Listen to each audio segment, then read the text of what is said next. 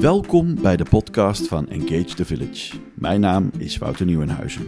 En ik ben Garissa Bakema, pleegouder en theatermaker. En samen maken wij deze podcast. Engage the Village gaat over grote en kleine verhalen uit de wereld van pleegzorg. Naast de podcast zijn er ook plannen voor liedjes, een theatervoorstelling, fotoreportages en andere kunstuitingen. Hoe is het als je ouders pleegouder worden? Hoe is het om in een pleeggezin op te groeien?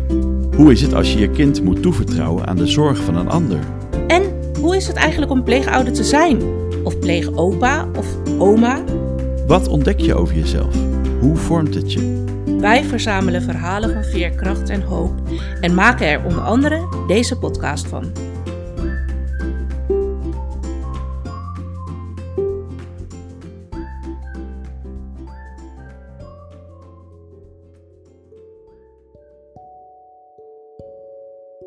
Voor deze achtste aflevering is Garissa op bezoek gegaan bij Wietske Anne en Mijntje. Wietske Anne heeft als single besloten dat zij haar huis wilde openstellen voor een pleegkind. En dat werd Mijntje. Ik ben Wietske Anne de Haan en ik ben 33 jaar en ik woon in Ede. Daar ben je nu te gast. Ik werk in het voortgezet onderwijs als docent godsdienst. Ik heb maatschappijleer gegeven. Ik ben decaan. Dus dat. En sinds september woont Mijntje bij mij. Ik ben Ik ben 15. Ik doe een, eh, een groene school. Eh, voice acting, dansen en game. En paardrijden. Ik rij eh, sinds kort weer. Ik had eerst ook gereden. En toen zat er een pauze van twee jaar tussen. Omdat ik verhuisde met mijn moeder. En uiteindelijk uit huis ging. Naar Wiesken. En toen ben je weer op paardrijden gegaan, hè? Dat je bij mij kan wonen. Eén keer in de week op de woensdag. En Mijntje is ook heel, heel creatief. Graag creatief bezig. Met van alles. Meestal over games. Het is mijn talent. Oh, dat is een mooie vraag. Weet je dat ik daar niet eens over heb nagedacht? Ehm, Je kan best goed koken. ik kan goed koken. Vooral daarmee bakken. Bakken. Oh, dankjewel, meetje. ja, koken, bakken. Eh, ik doe graag aan yoga. Ik hou heel erg van lezen. Leuke dingen doen met vrienden. Lekker kletsen. Streng zijn als docent zijnde. Nou, dat valt volgens mij wel mee. En ik kan ook heel goed klussen. We hebben net, eh, heb ik jouw kamer opgeknapt afgelopen week. Nee, dat vind ik ook leuk. Projectjes in huis aanpakken. Dus eh, hippe behangetjes op de muren. En dan over een jaartje weer een ander kleurtje. En dan weer nadenken over een nieuwe inrichting. Dat vind ik ook leuk. Dus interieur. En ik kan Leuk. nog goed hoog springen. Ook nog, ja. Zoiets noem je eigenlijk hobbyhorsing. Dat doe je meestal met een stokpaard, maar dat doe ik dan weer net niet. En dan ga je over eh, natuurlijke hindernissen of gewoon echte hindernissen voor een paard. En mijn record tot nu toe is bijna 1 meter. Hoe is het gekomen dat Mijntje nu bij Wietske Anne woont? En hoe was jullie eerste ontmoeting? Een aantal jaar geleden was ik al wel geïnteresseerd in eh, pleegzorg te bieden.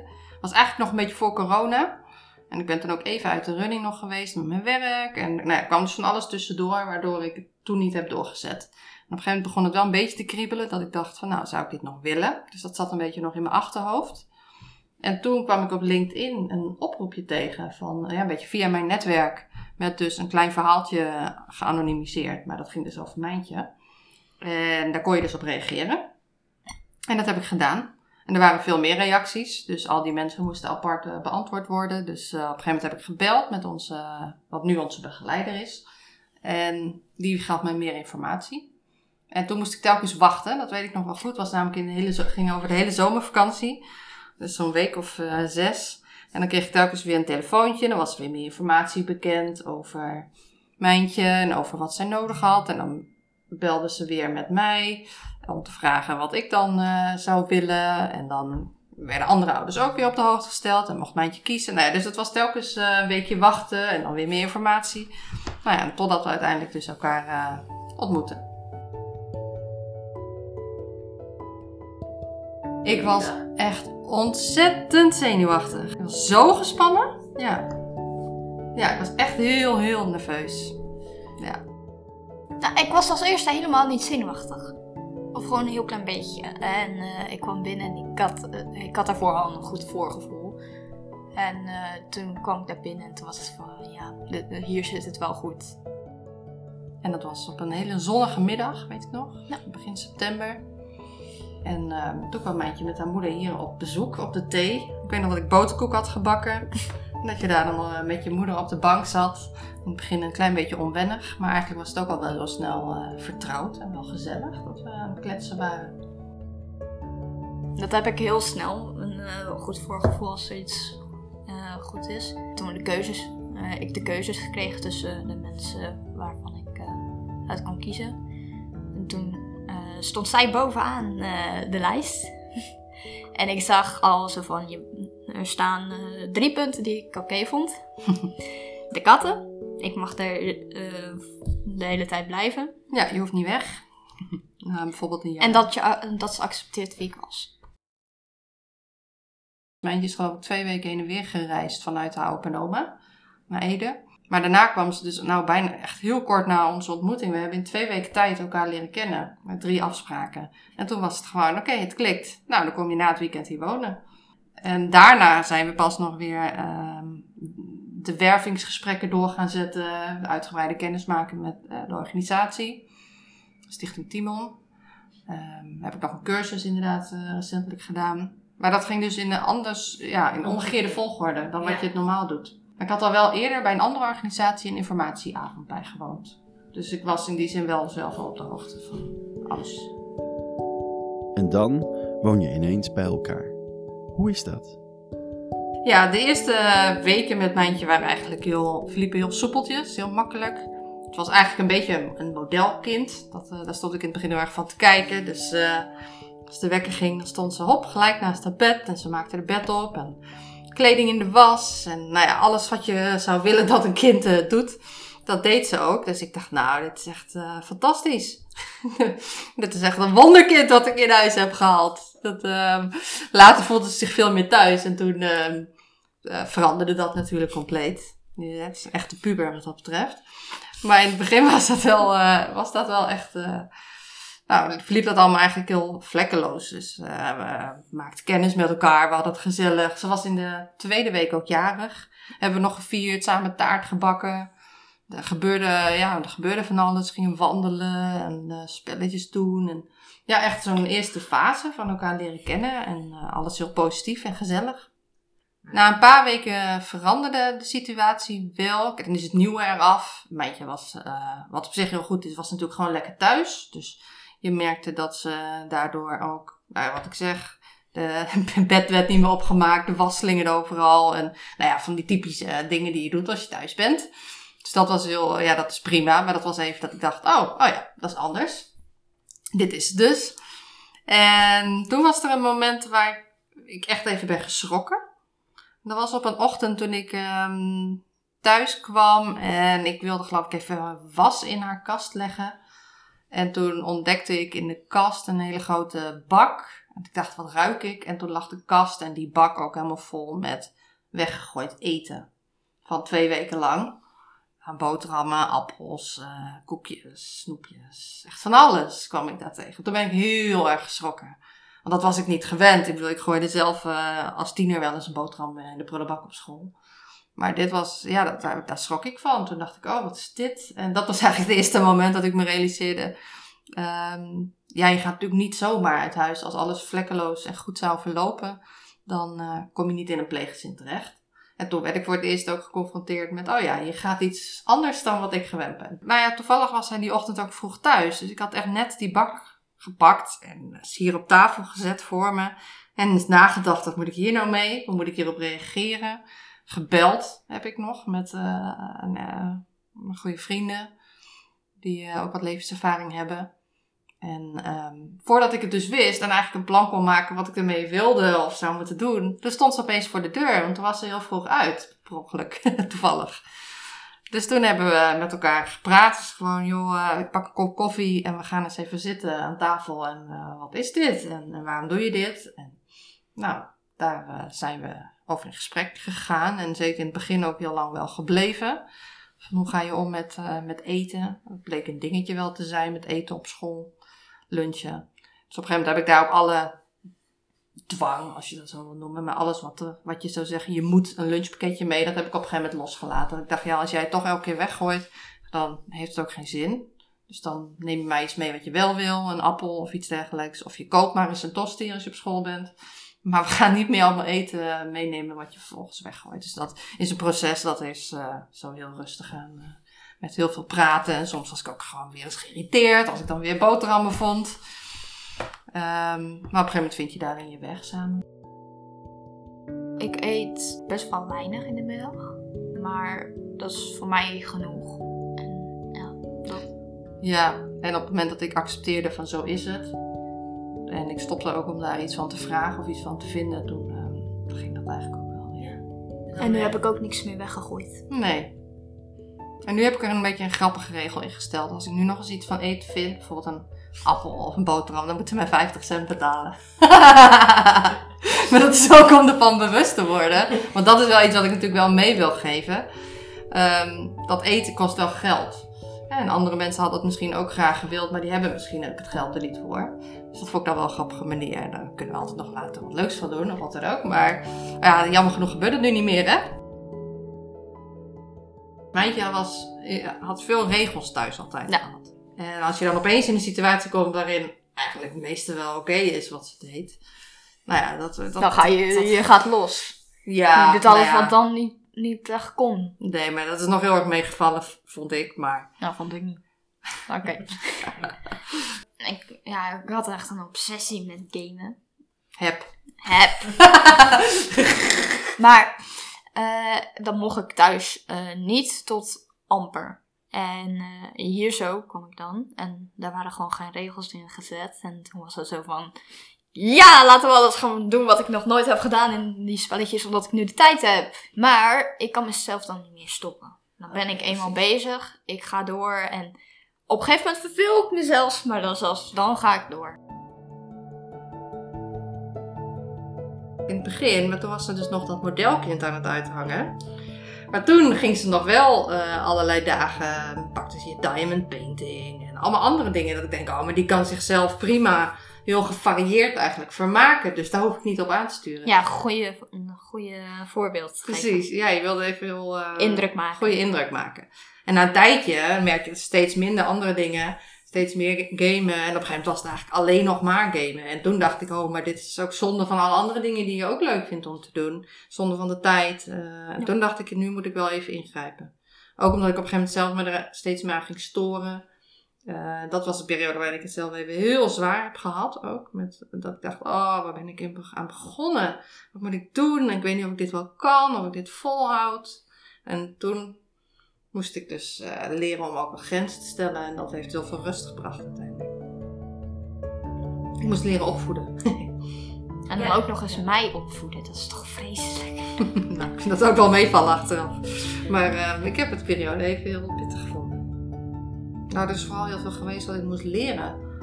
Wat ik in het begin niet, niet wist moest ontdekken. Eh, nou, wat ik heel erg verrassend heb gevonden, dat het eigenlijk ook zo gezellig zou zijn.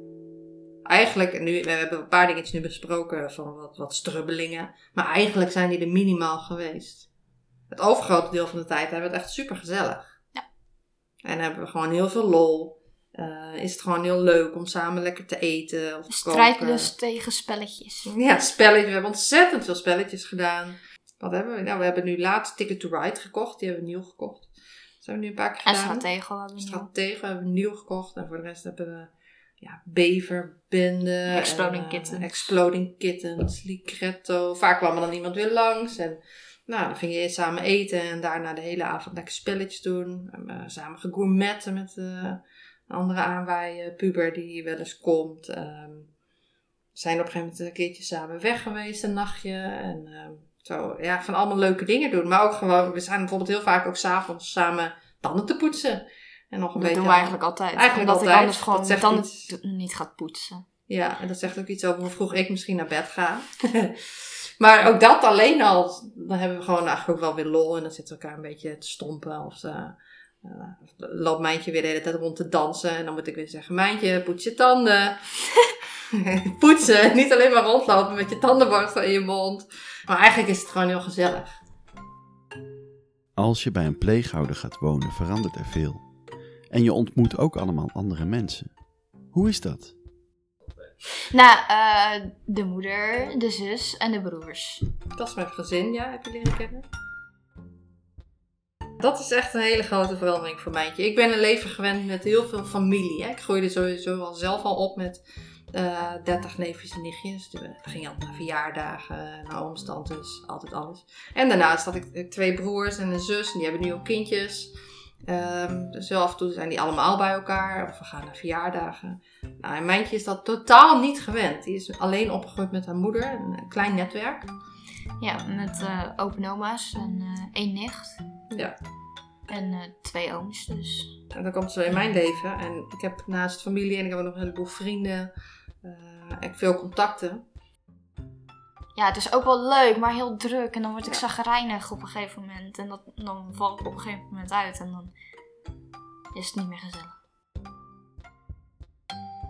Ik heb contact met Mijntjes moeder, via, vooral via de app. En soms zien we elkaar ook wel, maar dat is meer omdat er dan een afspraak is gepland. Of omdat ze Mijntje op komt halen. Dus dat is niet omdat we samen eh, afspreken.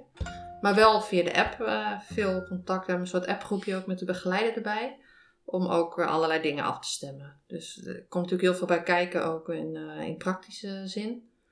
Ja, als Mijntje bijvoorbeeld een keer naar een dokter moet, of een tandarts. Of ehm, Vakantie. vakantie speelt op dit moment van naar het buitenland. Nou, dat zijn allemaal dingen die moet je eh, continu afstemmen. En dan is het gewoon meestal via de app eventjes. eh. En de begeleider zit daar dus ook bij in. Die kan ook even meekijken en soms ook even reageren. Die is dus altijd ook op de hoogte van de afspraken die er zijn. Ik zie haar vanaf nu één keer in de week. Dan gaat ze mee met paardrijden. Dat is een vast momentje hè, dat je samen even wat gaat doen.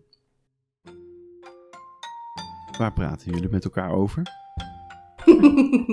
Mijntje is op dit moment bezig, met- was op dit moment bezig met het hoofdstuk voortplanting bij biologie. Dus we hebben het de laatste tijd veel gehad over seks en alles wat daarbij komt kijken.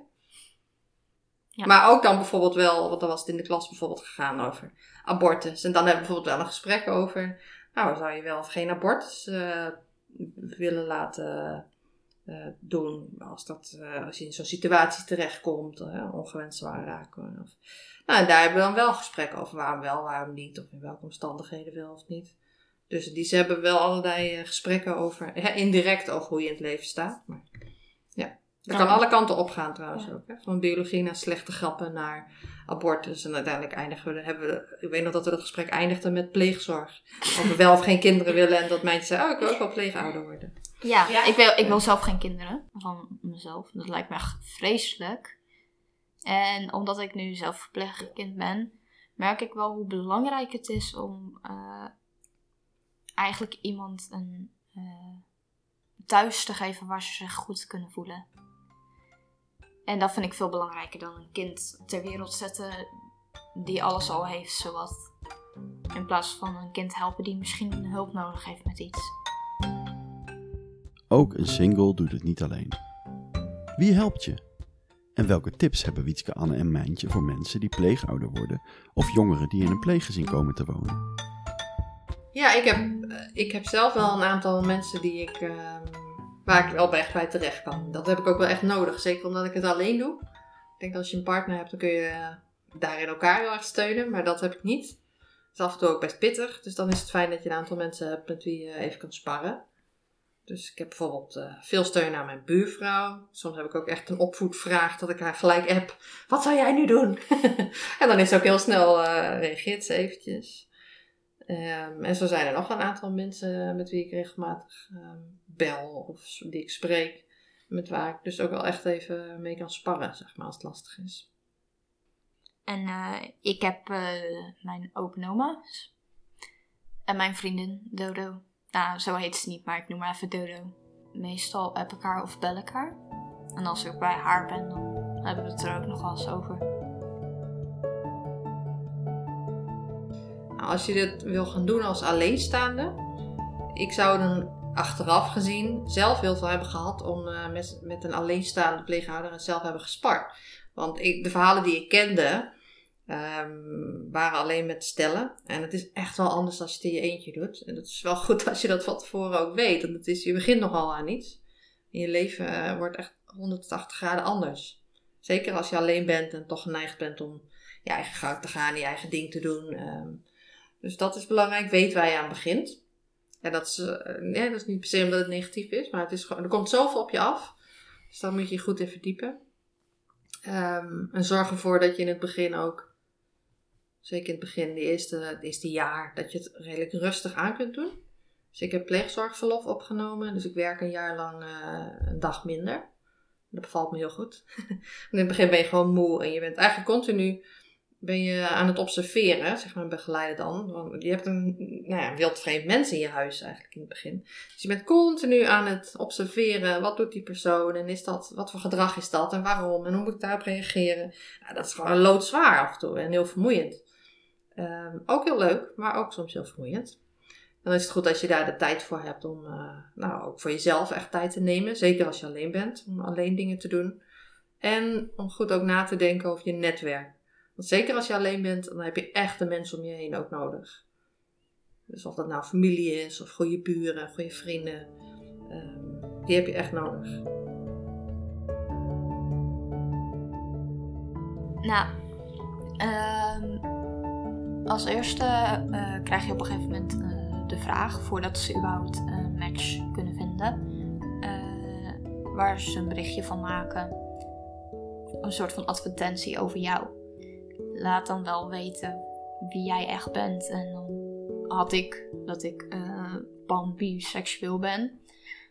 En dat is ook heel belangrijk dat uh, de pleegouder dat accepteert. En als je even later denkt ze van, eigenlijk had ik dat wel moeten zeggen en ik durf het nu niet, is het niet echt handig, want je weet dan niet precies hoe die pleegouder zou reageren erop. Iedereen heeft ten eerste zijn eigen gedachten daarin. Maar daarom had ik dat wel gezegd. Want ik dacht zo van, dan weet je het maar. En uh, dat is ook wel heel fijn dat ik dat heb gedaan, merk ik nu.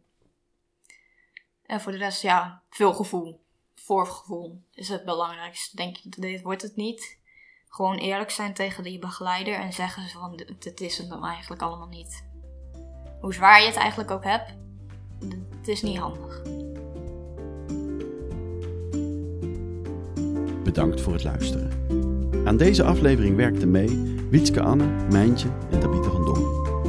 De muziek die je hoorde is van Blue Dot Sessions. Engage the Village is een initiatief van jeugdhulporganisatie Triade Vitré en Broedgebied in samenwerking met verschillende kunstenaars en pleegzorgorganisaties.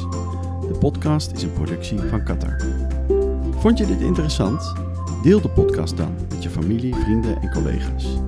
Wil je reageren of meepraten? Mail dan naar engagethevillage.broedgebied.nl of ga voor meer informatie naar www.triadevitré.nl. Tot de volgende podcast.